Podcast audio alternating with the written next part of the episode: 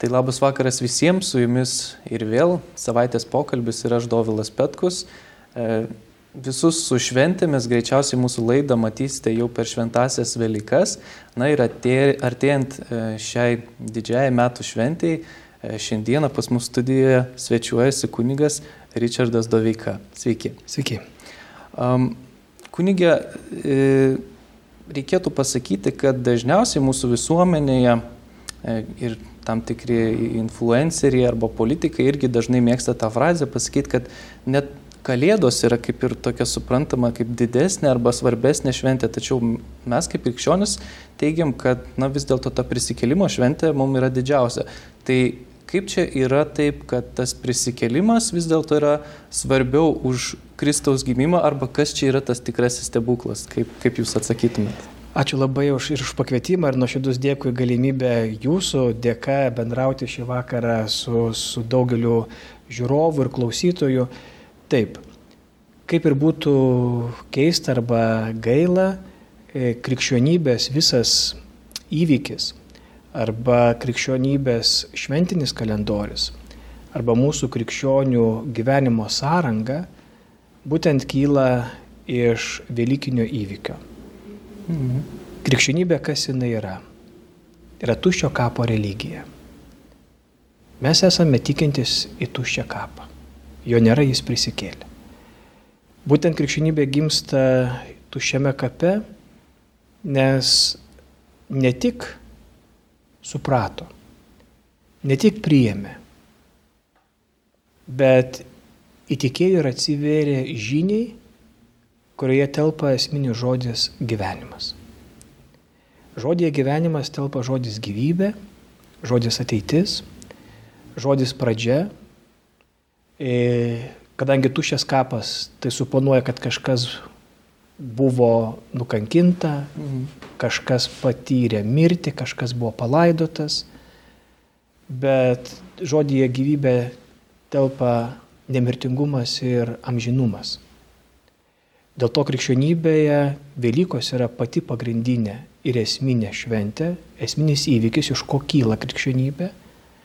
E, antroji pagal svarbumą krikščionybės šventė yra sėkminės, šventosios mhm. dvasios atsiuntimas, tada, kada e, apaštalų borelis su Marija, kada Kristaus pasiekėjai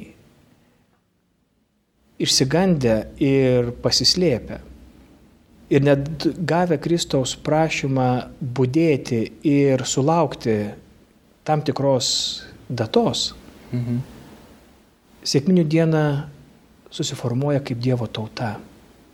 Vat būtent sėkminių diena gimsta bažnyčia. Krikščionybė gimsta tušiame kape, mhm. krikščionis, kai Dievo tauta gimsta sėkminėse. 50 dieną po Velykų.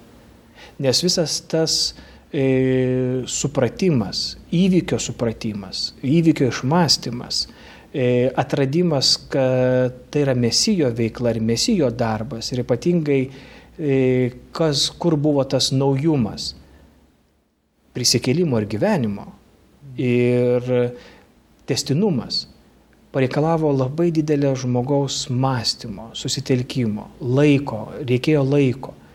Žiūrėkit, net apaštalas Paulius Saulis, kuris e, persekiojo krikščionis, kuris patyrė e, Kristaus prisilietimą, atsivertė, tapo Pauliumi. Ką jisai padarė? Jis triems metams dingo iš visuomenės akiračio. Trims metams Paulius dingo į dykumą, jis, kuris buvo intelektualas, kuris pabaigęs mokslus prie aukščiausių mokytojų kuris turėjo tuo metu aukščiausią išsilavinimą, kuris puikiai suprato Bibliją, Seną testamentą. Mhm. Jam prireikė trijų metų dykumoji, kad jisai suprastų, kad Jėzus yra tas mesijas, ką išpranašavo Senasis testamentas. Taigi net Paulius po atsivertimo, net patyręs stebuklą, net patyręs apakimą ir vėl praregėjimą, priemęs krikštą. Jisai trims metams išvyksta į dykumą, nes jis turėjo protu, intelektu, sąmonę, ne jausmais ir nesentimentais. Jam nepakako stebuklo. Mhm. Jam reikėjo sąmonės supratimo, kad Suvokti, Jėzus, suvokti, kad Jėzus Kristus yra Mesijas, kurį išpranašavo Biblija, Senasis testamentas. Ir tada jisai grįžta po trijų metų. Jam net nereikėjo Petro iš karto susitikti, kitų apaštalų. Tada, kada tu esi persmelktas supratimu, kad Jėzus Kristus yra Mesijas, tau nereikia nei stebuklų, nei apaštalo susitikti, tau nereikia to nuolatinio įrodinėjimo. Iš karto apaštalas Paulius pradeda savo viešąją veiklą ir joje priima visą tai, ką, ką mes skaitome Naujajame testamente, kaip pats apaštalas Paulius įvardina, kiek kartų skendo, kiek kartų buvo primuštas, kiek kartų mėtytas akmenim, kiek kartų alko, kiek kartų buvo e, rykščių gavęs, už ką? Už žinę, kad Dievas yra ir tu esi nemirtingas, pasakymo kitam žmogui. Tai reiškia kitai sistemai, kitam mentalitetui, kitam norėjimui kitaip tvarkyti pasaulio sąrangą. Ir čia visuomet man kyla mintis, o kasgi yra, kas yra tiesa? Būtent Velykos parodo, kas yra tiesa. Tu esi tiesa. Žmogus yra tiesa, kylanti iš Dievo. Sukurta tiesa, tėvų pradėta, išnešiota, pagimdyta, motinos krūtimi žindyta tiesa. Ir ką galima su šita tiesa padaryti? Ja galima pastumti, galima ignoruoti, e, galima pažeminti, net užmušti galima. Žmonijos istorija yra pilna tarpusavio tokio elgesio. Bet ko niekada negalima padaryti su tiesa. Jos niekada negalima paneigti. Tiesos grožis ir yra tai, kad tiesos negalima paneigti. Kas geriausiai rodo tiesą? Nors mums atrodo filosofijos tratatai, teologija, Biblija, protingi žmonės, mokslininkai, straipsniai, viskas daug paprasčiau. Kas yra tiesos liudininkas? Melagis. Melagis puikiai supranta, kad egzistuoja tiesa, nes jisai meluoja. Jisai žinodamas, kad reikia paslėpti tiesą. Melagis. Mhm. Lygiai taip pat, kas yra geriausias Dievo įrodytojas. Stebuklai, apsireiškimai, mana krintant iš dangaus, osiomis kojomis pereita raudonoje jūra. Ne, daug paprasčiau. Šetonas.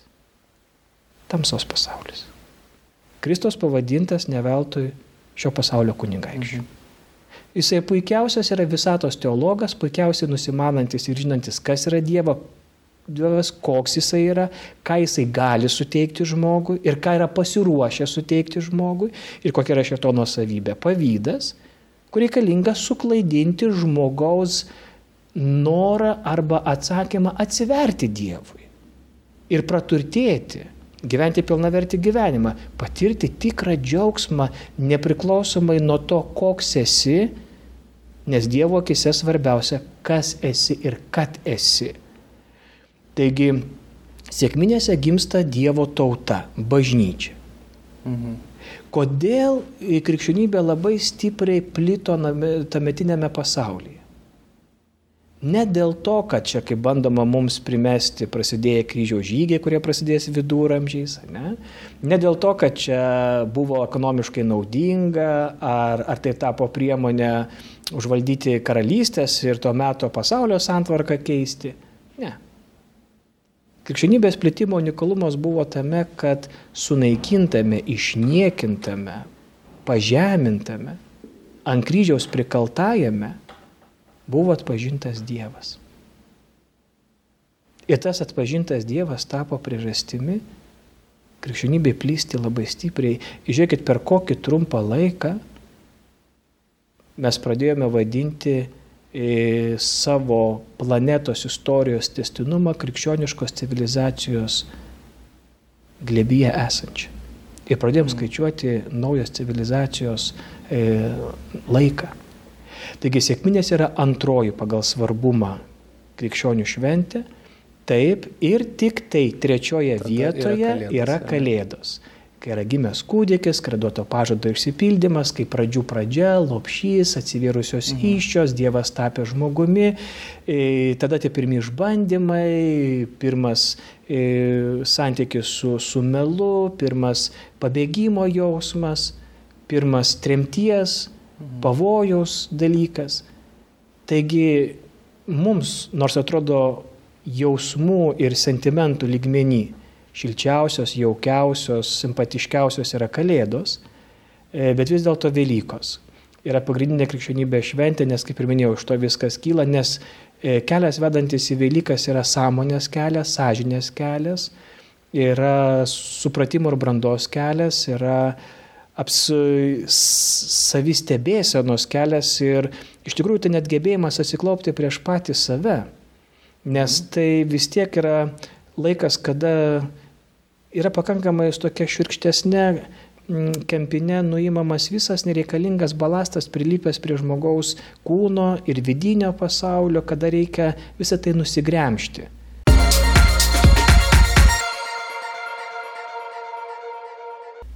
Ir, ir dar, žiūrėkit, kalbant konkrečiai apie prisikėlimo žinią, kuomet mes irgi turime tą, tą Velykų šventę, e, viena, viena vertus tai yra be abejonės didinga diena, kita vertus savotiškai turbūt tai yra ir tokios, na, kylančios abejonės diena, ar tikrai tas stebuklas įvyko, ar tikrai ta, tas prisikėlimas, kaip galbūt jūs patartumėt įveikti tokią kaip, na, abejonės krizę, kuri kyla į tikėjimą, ar ne, kaip jums galbūt pavyksta su tokiom abejonėm kovoti ir, ir koks, koks buvo jūsų tikėjimo kelias, ar jūs visada buvote tikintis, kas jūs palydėjo e, tuo tikėjimo keliu.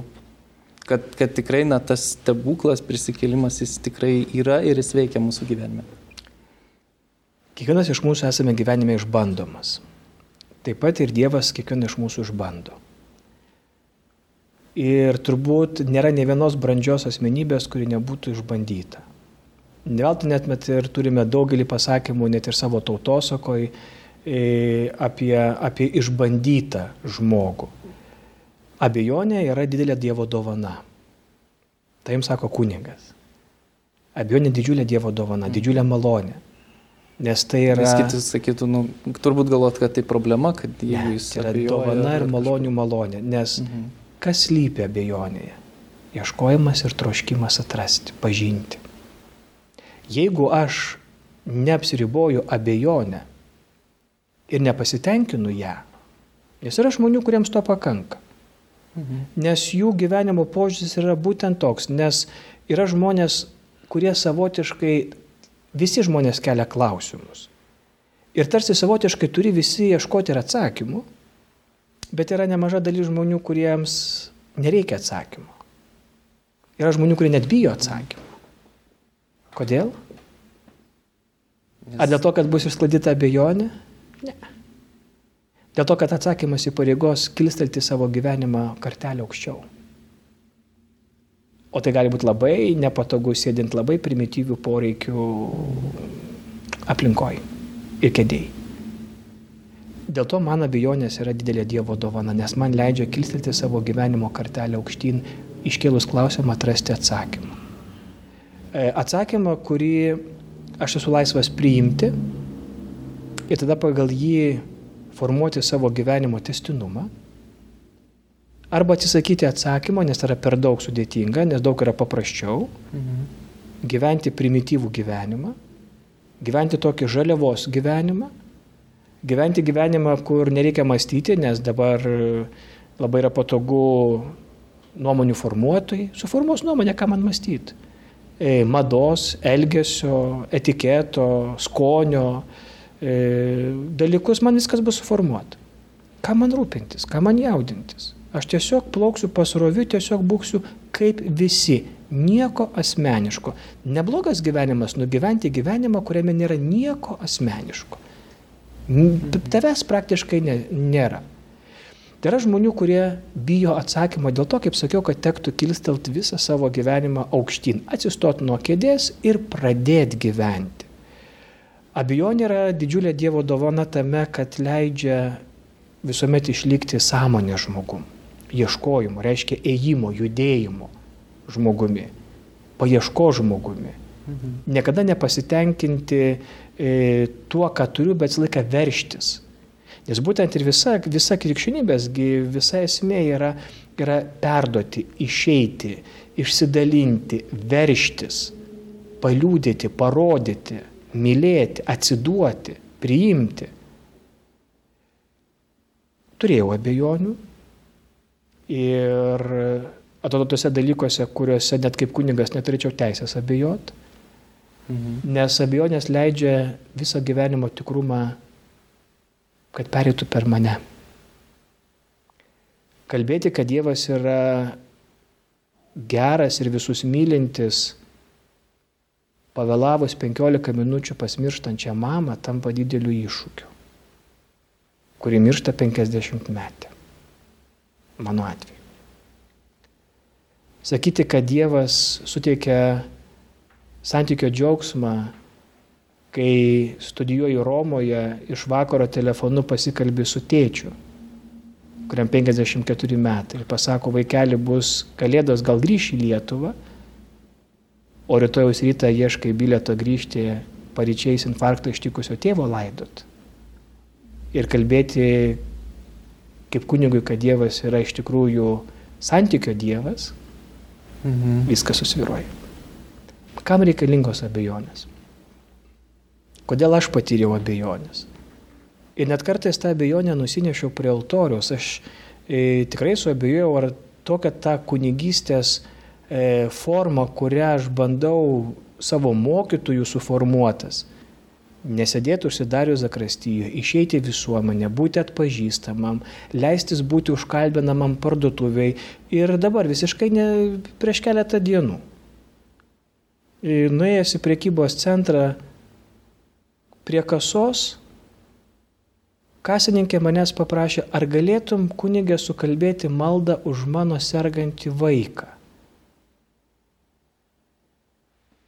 Ir jinai tą pasako dėl to, kad jinai pirkėjų sraute atpažino stovinti kunigą.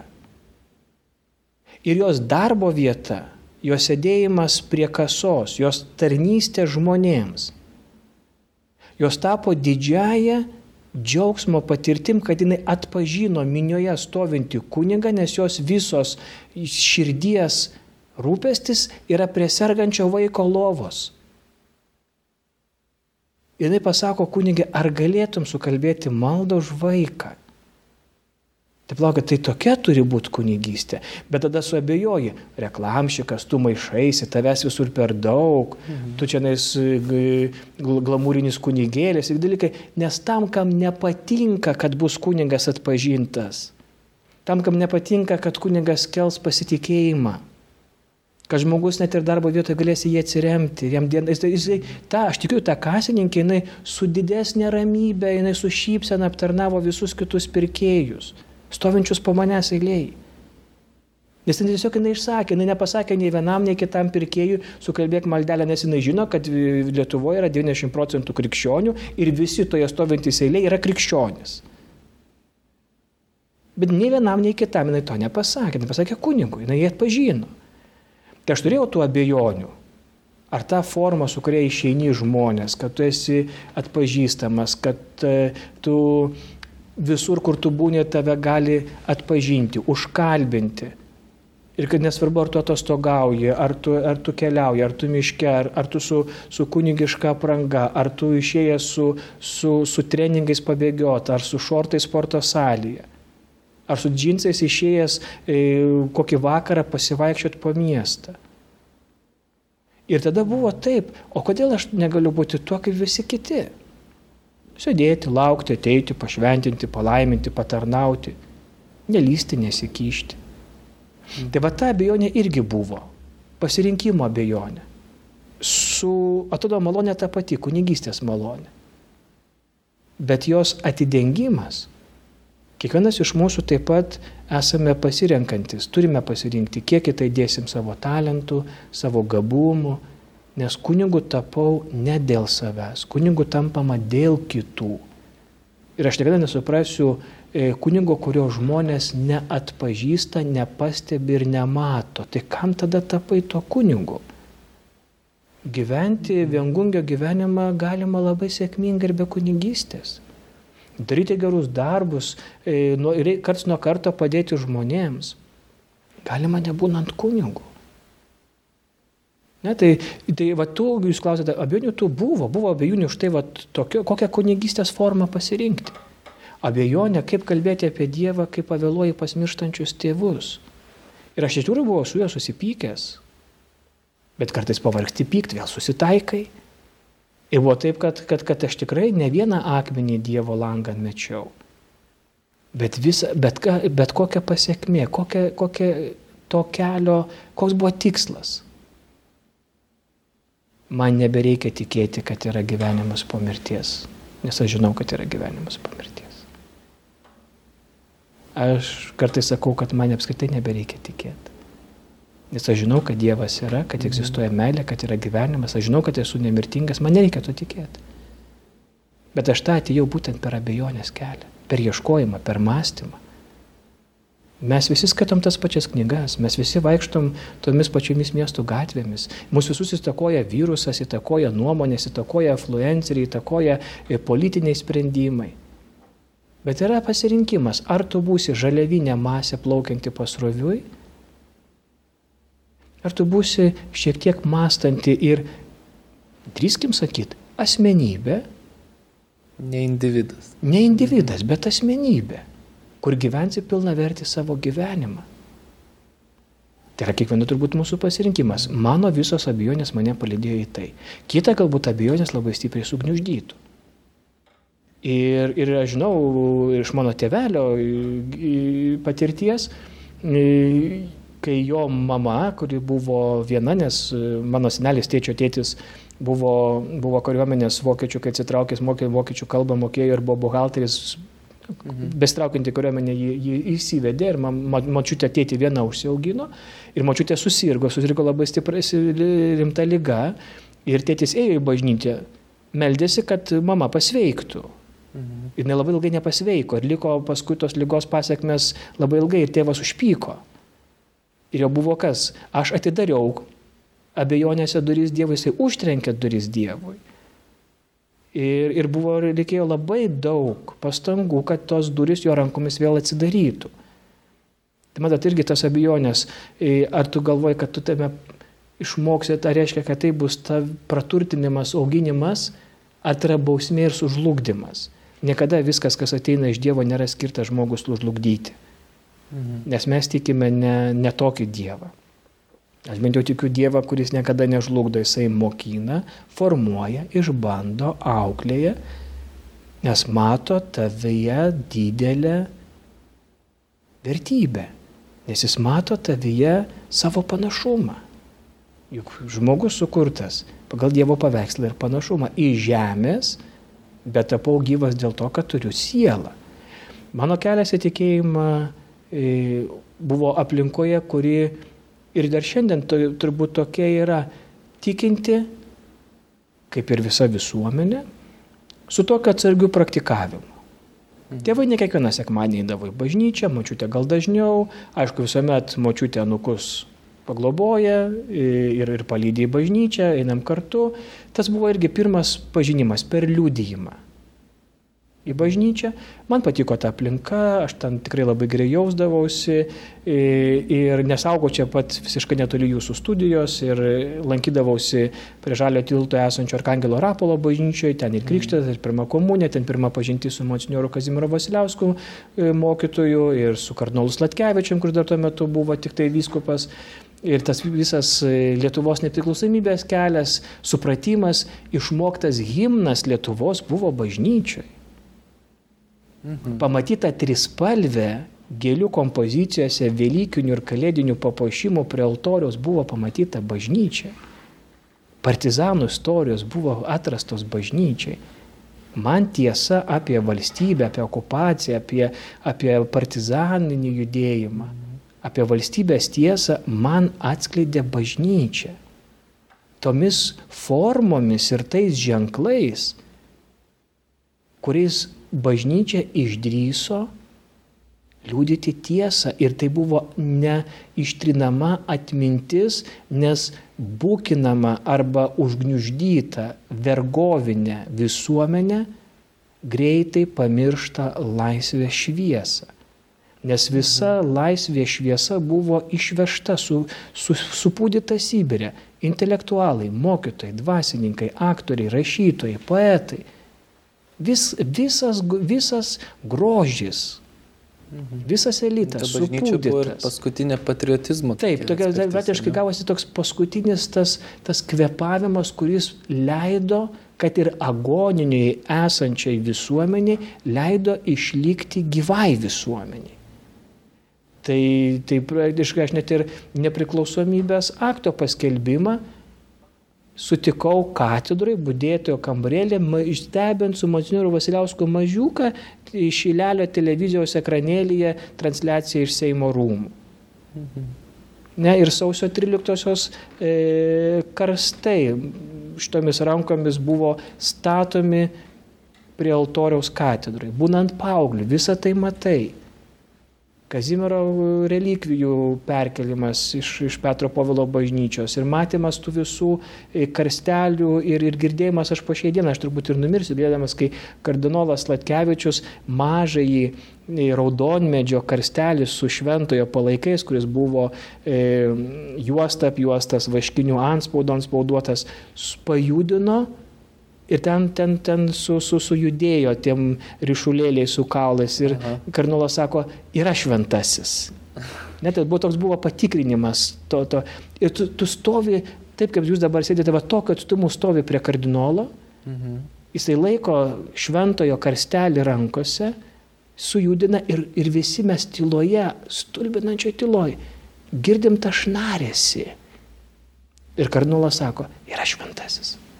Turim to garso šnaresio, kauliukų šnaresio, nepamirši mirdamas. Ir tu supratai, kad šventumas šnara, kad šventumas yra žmogaus rankose, kad, kad šventumas apskritai egzistuoja. Ir jis yra labai žmogiškas, jis nėra kažkas tokio.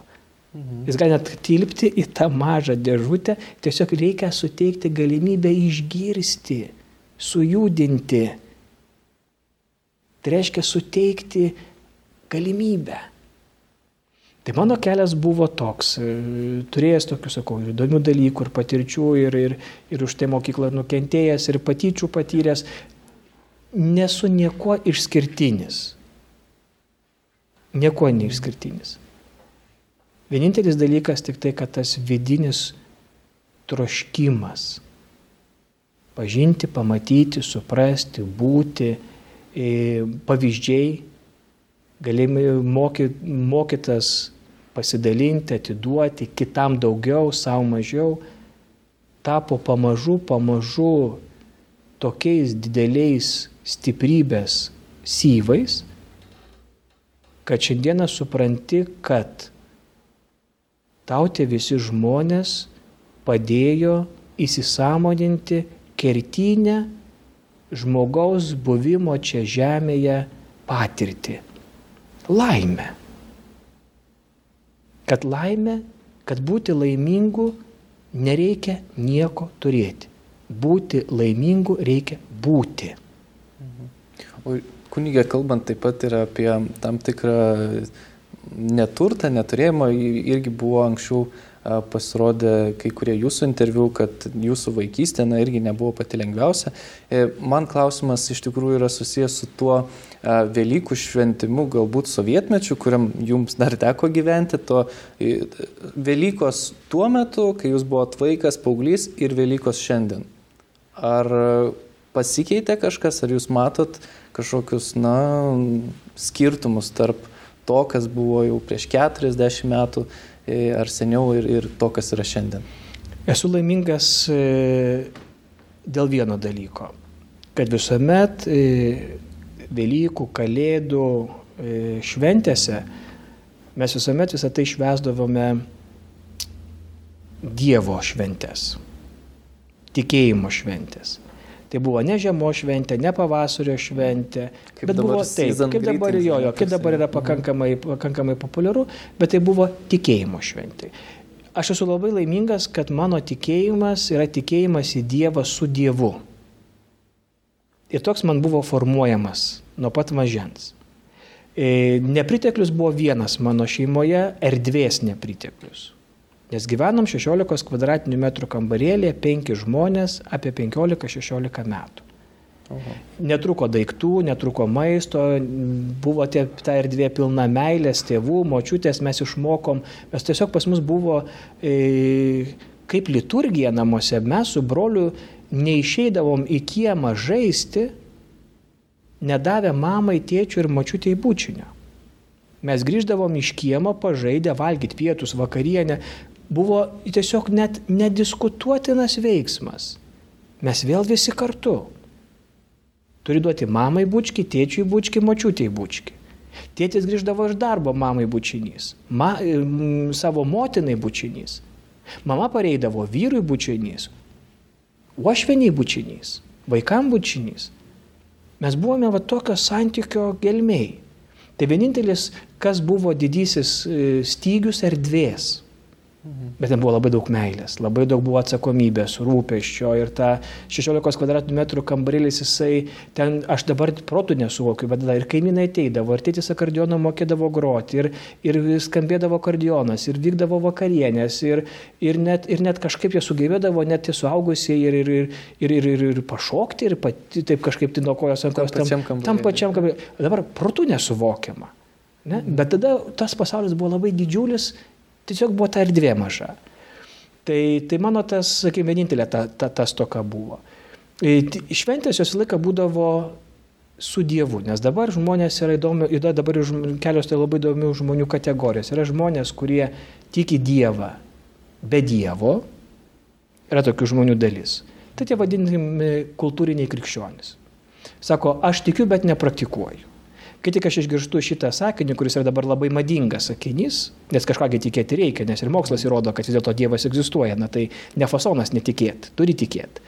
Bet praktikuoti, eiti tą bažnyčią, ten tiek problemų, visko, tą patį per tą patį, atsiklaupti, nu, klausykit, varginantis dalykas. Mhm. Nes geriau valandą pastovėti eiliai prie parduotuvės, negu pusvalandį pabūti bažnyčioje. Tai, žinot, yra, yra nu, nesuvokimi dalykai pabūti bažnyčioje. Tai yra žmonės, kurie tiki Dievą be Dievo. Jam nereikia sekmadienio, jam nereikia bendruomenės, jam nereikia mišių, nereikia komunijos, jis tiki Dievą be išpažinties, jam nereikia už nieką atgailautis, pasigalba su savim, apsikabina medį, išsimagnetina. Ne? Mhm. Jam nereikia Dievo be sakramentų.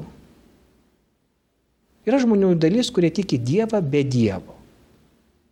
Tai jiems iš tikrųjų ir šventės ir ypatingai ar sovietmečių jos buvo turbūt nešvenčiamos, o dabar jos pavirtusios yra žiemos ir pavasario šventėmis.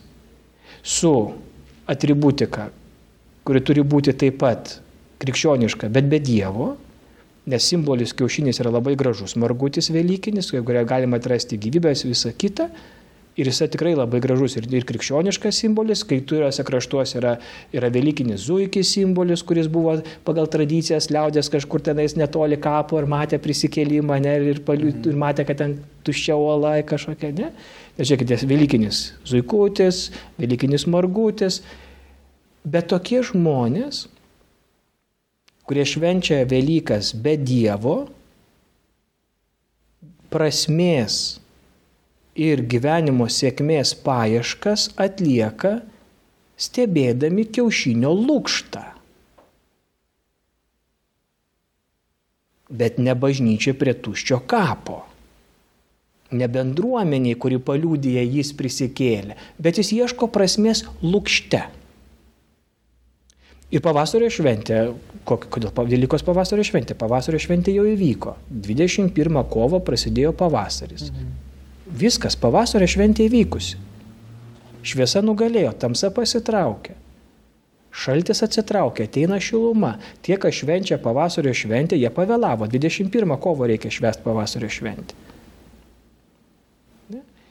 Velykos yra žmonių, kurie tiki Dievą be Dievo. Jiems tikrai labai dabar sudėtinga. Nes jeigu Velykų pagrindas buvo šėlsmas vakarėliuose, uždarytas kavinės restoranai naktiniai klubai ir, ir tie vargšiai žmogiukai, tos mergytės besisukančios aplink strypą su kiškiausytėmis, nu nėra šiemet kiškiausyčio aplink strypą, nu liūdnos Velykos.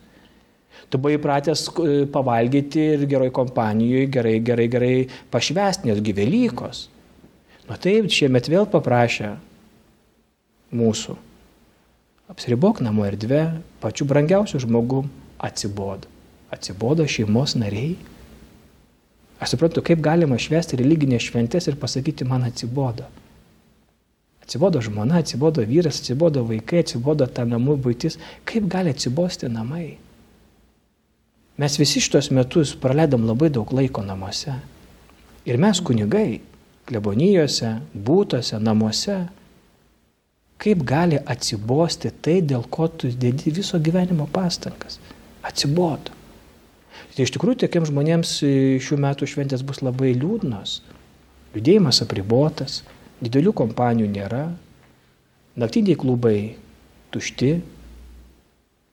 o Velykas kažkaip atšvesti reikia, o Dievo nėra. Tai kas mhm. belieka? Tada belieka arba maištaut, arba belieka pradėti ieškoti.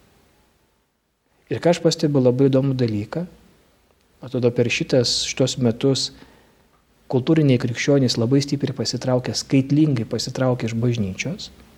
Nes ir Luksemburgo kardinolas vasarą, praeitą vasarą davė labai gerą interviu, sakydamas, kad e, virusas ir karantinas, kurį išgyveno visas pasaulis, paspartino m, katalikų bažnyčiai vieną procesą 10-15 metų pagreitino. Kas būtų įvykę per 10-15 metų, įvyko per nepilnus metus. Tai ženklus kultūrinių krikščionių išėjimas iš bažnyčios. Nes po karantino mes grįžom į restoranus ir kavines. E, savaitgaliais po pusę milijono lietuvaičių pliurškėmės prie Baltijos jūros. E, skrydom į užsienius. Ir dabar tiesą skraidom į užsienius per karantiną. Pilni lėktuvai kyla leidžiasi kiekvieną savaitę ir ne po vieną. Bet nebesugrįžo į bažnyčią. Mhm. Po karantino į bažnyčias grįžo pusė žmonių, kurie iki karantino lankėsi bažnyčiai. Tai per pusę sumažėjo. Per pusę sumažėjo. Kai skyščiai dezinfekciniai stovi prie kiekvienų durų. Kaukės dalinamos bažnyčiose gali gauti nemokamai. Atstumai išlaikyti. Šitie bažnyčiose kai kuriuose net padaugėjo ir aukojimų mišių skaičius. Padidintas buvo. E, visa, viskas bažnyčios bendruomenės labai sąmoningai, atsakingai, kūrybingai ir iš tikrųjų atsakingai atsiliepia į valstybės prašymą, nes su šita lyga galima kovoti tik tvarkos karą. Į šitą betvarkę yra atsakymas tik tvarka. Ir mes matėm tie, kas laikomės tvarkos, mes ir gydome šitą e, visuomenės skaudulį.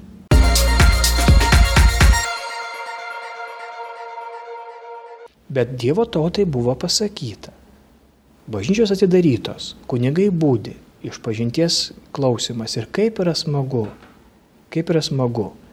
Ne tik matyti sugrįžtančius žmonės į viešąjį gyvenimą, ar eilutes prie maisto prekių parduotuvių, ar prie kitų atsidariusių parduotuvių, Bet kaip yra smagu matyti žmonių eilutę prie bažnyčios, kai žmonės laukia įeiti galimybės į bažnyčią atlikti išpažinti. Ir šis reiškinys yra labai didelės vilties ženklas. Ir ten stovi ne močiutės, ne seniorų pasaulis. Ten stovi jauni žmonės. Ir šeimos su vaikais. Ir va tai duoda didelę viltį, kad gerumo pusėje yra kritinė masė žmonių. Išminties pusėje yra kritinė masė. Reiškia, šitas nepatogumas į savo pusę nepatraukia nevilties, e, maišto ar, ar e, atsisakymo žmonių. Ir tapo kritinę elgseną. Ne, vis dėlto e, aš kaip kunigas suprantu, kad ta vilties ir, ir gerumo barikadų pusė yra ten dar yra kritinė žmonių masė.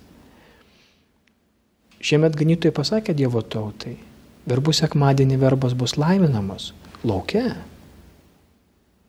Bus aukojamos mišios be žmonių. Bet kadangi mums visi sako, gyvenkim įprastą savo gyvenimą, tai per Velykinės šventes, Kalėdų šventes, per bažnytinės šventes, kai susirenka daug žmonių, visuomet yra įgarsinamas laukas. Ir, ir, ir kaip yra smagu, kad šiemet vėl tą patį galėsim padaryti. Aukos kunigas vienas mišes uždaryto šventoviai, bet gyvensim kasdieninį gyvenimą, taip kaip ar jinai būtų pilna žmonių, ar nėra tuščia buvo jungtas lauko įgarsinimas. Ir Dievo žodis skambės mūsų aikštėse, mūsų gatvėse. Ir kai kam nepatiks, nes kalbėsim maldą Dieve laimink Lietuvą. Bus kalbamos maldos už medikus, kai kam irgi nepatinka, kai kam nepatinka, kai viešai skamba malda, kai kam nepatinka, kai viešai skamba varpai, kai kam nepatinka, kai dalinamasis gėris. Mhm. Kai ką tai trikdo, piktina, tą, tą pelkės vandenį sudrumzlina, sujudina. Skambės varpai, bus žinia skelbiama nuo altorių per garsiakalbius. Žmonės ateis, laukia bus palaimintos verbos, ateis didį šeštąjį, bus pašventintas maistas.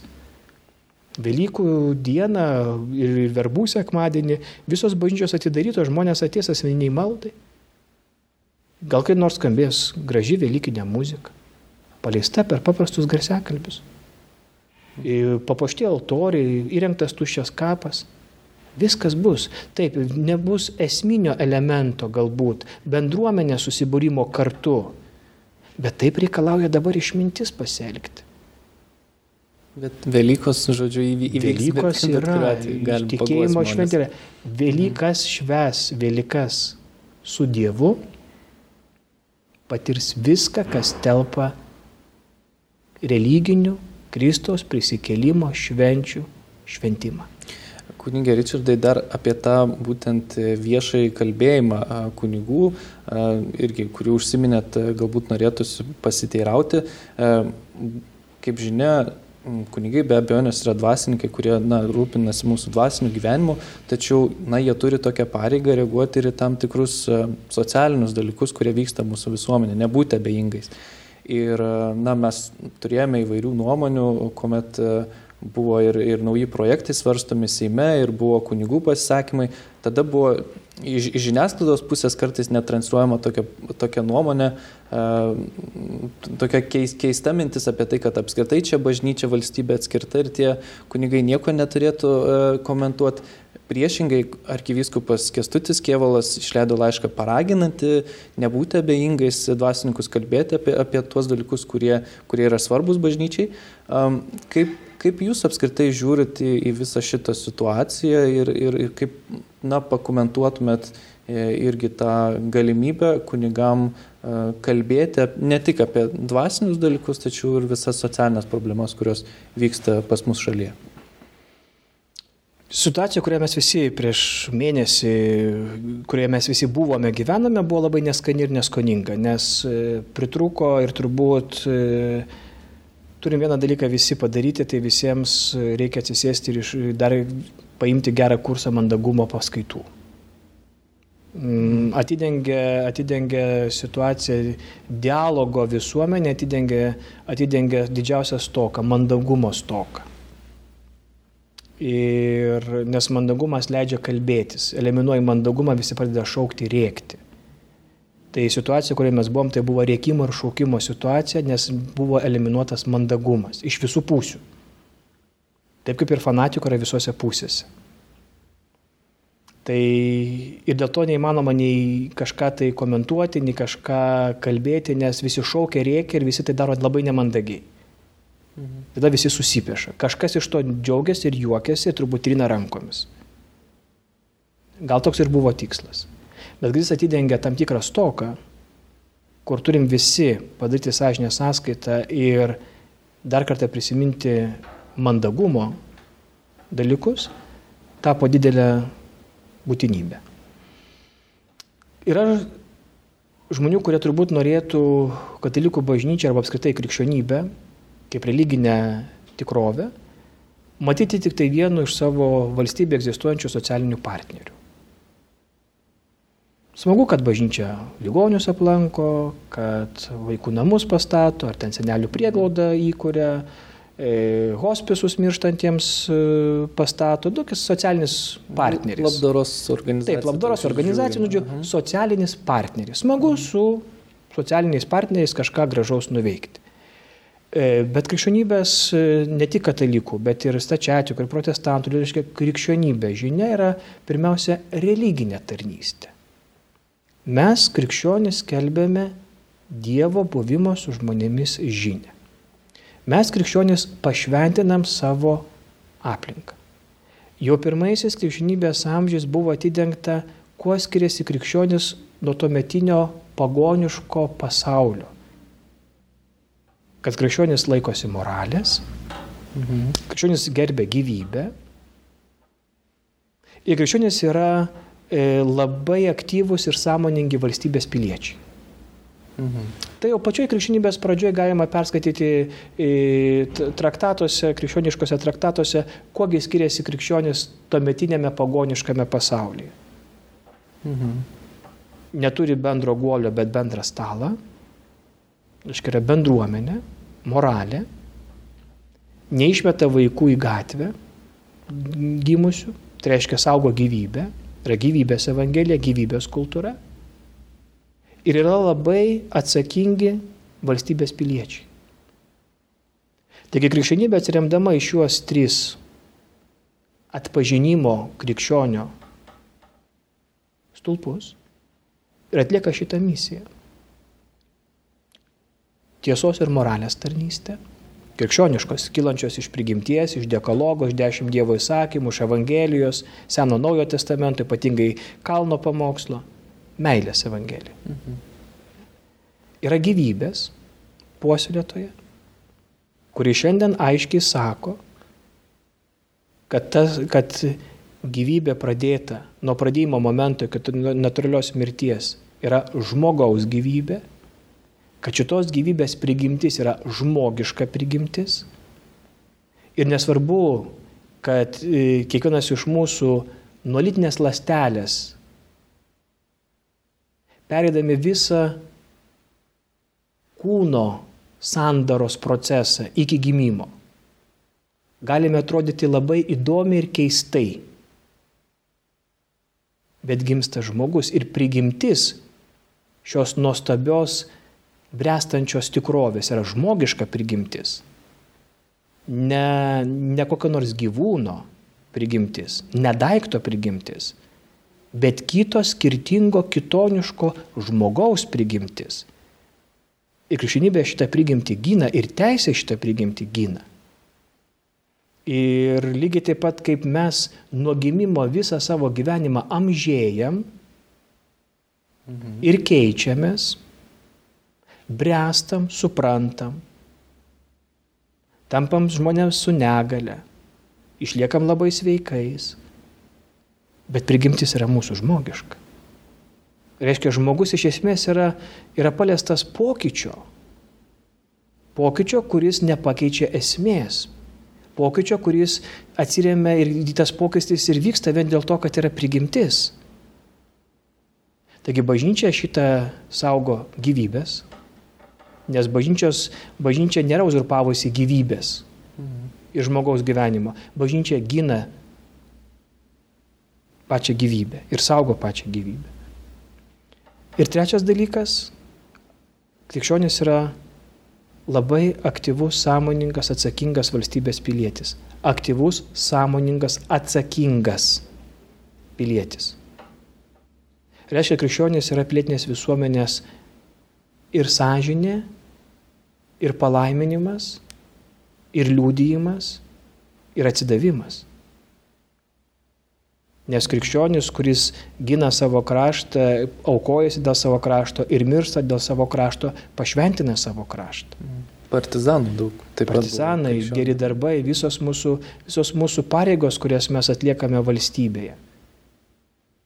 Ir kiekvienas krikščionis yra e, ne tik, kad paragintas, krikščionis savo esmė yra įpareigotas krikščioninti savo aplinką. Ir tas įpareigojimas kyla kiekvienam krikščioniui - medikui, mokytojui, politikui, žurnalistui, visuomenininkui, aktoriui, rašytojui, kuriejui, kunigui. Krikščioninti savo aplinką.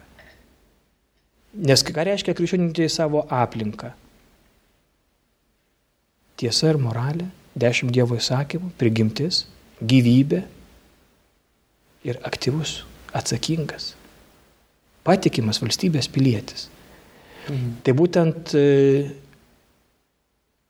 iš šitų dalykų kyla ir mūsų kaip dvasininkų būtent santykis su Dievo tauta, kuri pareikalauja ypatingos atsakomybės.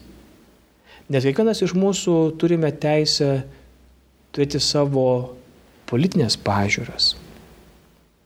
Mes turime galimybę, galbūt matome mums patinkančius žmonės, kuriais mes pasitikime ir juos balsuojame. Visiems atrodo, kad tarsi katalikai tik turi, turi būti vienos partijos nariai arba vienos partijos politinės jėgos elektoratas. Tarsi kitoje pusėje nėra katalikų. Ne. Taip nėra. Ir į, ir į bažnyčią iš tikrųjų susirenka įvairių požiūrių, politinių partijų nariai.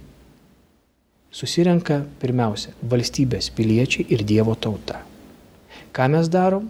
Mes melžiamės už savo valstybę, mes atliekame sąžinę sąskaitą, mes atsiprašom ir viens kitam linkim ramybės, kad, kad kasdienybėje mes galėtume pateisinti savo buvimą krikščionimi. Ten, kur aš esu ir tai, ką aš darau. Mhm. Dėl to e, čia kunigams turbūt kyla didesnė užduotis atrasti ne tik metodą, kaip kalbėti, bet taip pat ir išlaikyti tuos esminius principus, kuriais remiantis mes ir išreiškim savo poziciją. Kad kyla toks e, pasipriešinimas arba ta, ką mes matėme, toks priekaištas, tai arba yra supratimas, kad vis dėlto dar Dievo tautoj kunigiška tarnystė yra autoritetas, Mhm. Nes kai reikia, tai labai į kunigus apeliuoja, kad jūs esate labai autoritetingi ir kalbėkite. Kai reikia kalbėti apie tvarką kelyje, kai mes stojame į ES, kai į NATO, kitus dalykus, kai reikėjo balsuoti prieš referendumus, jūs kalbėkit, padėkit net ir dabar, kai reikia, mm, kad, gaisų, kad žolės nedegintų pavasarį, nes yra tokia keista mada, ne, kai, tai jūs esate autoritetai, jūs kalbėkite, tai reiškia, mes jūs taip pat pripažįstam kai mums naudingi jūsų autoritetai. Bet kai mums nenaudinga šitą autoritetinę dalelę visuomeniai, jūs tada tylėkit. Tai vad būtent e, kunigo kalbėjimas, kuris kyla iš autoriteto, ne iš valdovo pusės, ne iš nurodinėtojo, tampa didelė atsakomybė ir ką ir kaip pasakysiu. Bet kad aš turiu teisę turėti savo nuomonę, kad turiu teisę mm, parodyti kryptį, kad turiu teisę apsaugoti savo bendruomenę nuo dobės ar paspestų spastų, kad aš turiu savo bendruomeniai pasakyti, nes ir tam skiriu visą laiką, kad visą laiką save ir savo ir skiriu ir atiduodu, kad mąstyčiau, kokiu keliu vedu savo bendruomenę. Ar ten nėra duobių, spastų, Ar nelaukia koks nors pavojus už, už pasislėpęs už medžio ar kampo? Reiškia, aš prisimu atsakomybę lydėti savo bendruomenę. Mhm. Tai aš taip pat ir kalbu, kad vienas kitas dalykas, kuris yra pateikiamas, jis yra praturtinantis ir naudingas, ar skaldantis ir atitolinantis, ar jis padeda žengti pirmin, ar jis nubloškia labai visus atgal, jisai mus praturtina ar supykdo, mes praturtėjame ar susipešame Ir tada būtent, būtent kunigo kalbėjimas e, visuomeniai svarbiais dalykais, klausimais, svarbiose visuomenės patirtise tampa būtinas kaip vieno iš valstybėje esančio autoriteto demens. Nes autoritetas yra mama ir tėtis vaikui. E, dvasinėje bendruomenėje autoritetas yra parapijos ligmenyje, klebonas, Dievo tautos lygmenyje. Ganytojas, vyskupas ir popiežius. Valstybėje prezidentas ir vykdomoji valdžia. Mes turime visuomenėje žodyje autoritetas visus ryčių ir specialybių žmonės. Autoritetas turi būti ir menininkas, ir rašytojas, ir dainininkas. Tai labai yra svarbu, e, kai man yra suteikiama autoriteto tarnystė. Čia yra tarnystė. Mhm. Ar aš ją panaudoju savo egoizmo tikslams, privatizuoju ir pradedu tyčiotis iš žmonių tvarkydamasi savo reikalus? Ar autoriteto tarnystė tampa tarnystė dėl bendrojo gėrio, man neturint jokios naudos, o galbūt net kartais ir prarandant daug? Mhm. Kunigė, pačiai pabaigai norėtųsi e, kažkokio jūsų galbūt paraginimo arba palinkėjimo šitų, na, irgi nelengvų metų mes turėsim antras tokias Velykas, e, karantininės, ar negalim sakyti, daugybę tų rūpeščių mūsų užgulė ir kaip, kaip galbūt nuo šitų rūpeščių, na, nekreipti juos dėmesio, kaip atrasti tas Velykas, na, tokiu sunkiu metu ir apskritai, apskritai ką mūsų žiūrovai turėtų atkreipti galbūt dėmesį labiausiai per šitas šventasias Velykas? Nekreipdėmėsio negalim, nes tada bus tikrai palaida bala ir bus labai blogai, mes turim kreipdėmėsi į viską. E, taip, dar kartą šitie metai parodė, kad optimizmas kartais nuvilia ir mes turėjom optimizmą, susimkim per Velykas, švesim Kalėdas. Artėjo Kalėdos, matėm, kom baigėsi su Kalėdam. Sakė, bet jau kai Velykos bus, atėjo Velykos, patys matom kaip. Taip, dėja, optimizmas yra toks dalykas, kuris, kuris kartais gali truputuką nuvilti, bet nenuvilia viltis. O visuomet tikinti žmogus, kuris e, švenčia savo tikėjimą kasdienybę ir kasdienybę įrašo į tikėjimą, visuomet yra vilties žmogus. Tai vienas iš mano nuoširdžių palinkėjimų Velykų proga - visuomet pasižiūrėkit, ar jūsų pečiai apgaubti vilties apseustų. Mhm. Jeigu tik nusmuko, nu, su nusmukusiais dalykais nereikia vaikščioti. Apsigauk stipriau. Vilties apseustų. Ar šitie metai iš tikrųjų visus mus taip nuliūdino? Ir žmonės yra dabar ne tiek, kiek pikti, bet žmonės jau tapo liūdini.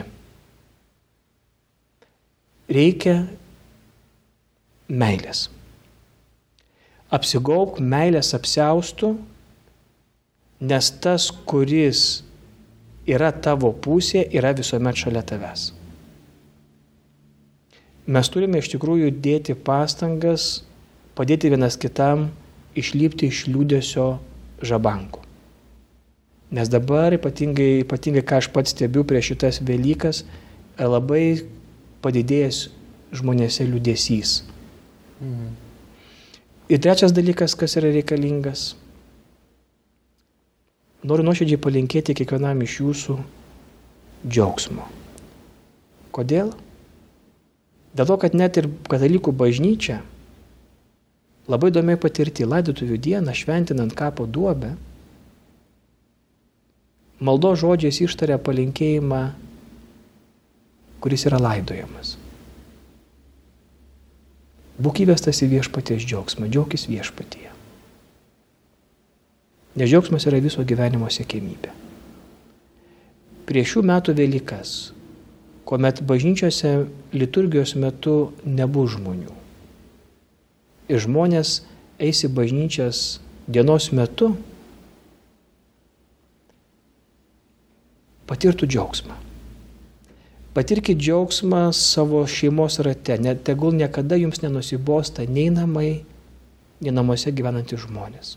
Džiaukitės, leiskite jiems pasidžiaugti jumis. Džiaugsmas visuomet yra išradingas. Mes turime šiandieninės technologijas, kuris mums leidžia vienu metu per telefoną turėti viso pasaulio kampelios gyvenančių savo giminaičius artimuosius ir būti visiems prie bendro stalo pasikeitusi forma tegul mumise nesumažina džiaugsmo, bet pasikeitusios formos taip pat tampa džiaugsmo šaltiniu. Kitaip kitoniškai, bet visiems kartu džiaugtis. Taigi vilties ir meilės apsausto, džiaugsmo patyrimo ir visuomet viduje išliekančio širdies ramybės. Nes visi šie dėmenys atradę mumise erdvę ir tapę mums tvirta žemė po kojomis, ne optimizmu, bet susitelkimu viltimi ir savęs dovanojimu, labai greitai šitie nepatogumai liks tik slogių istorijos puslapių įrašuose. Kunigė Richardai, labai ačiū Jums, kad Jūs šiandien buvote draugė su mumis, su mūsų žiūrovais. Visiems dėkojame, kurie žiūrėjote mūsų laidą. Ačiū visiems, kurie mus remet ir paverčiat šias laidas realybę, kad galėtumėm pasidalinti žinę kartu su Jumis. Dar kartą visiems gerų švenčių, na, o mes susimatysim kitą savaitę iki pasimatymo. Iki.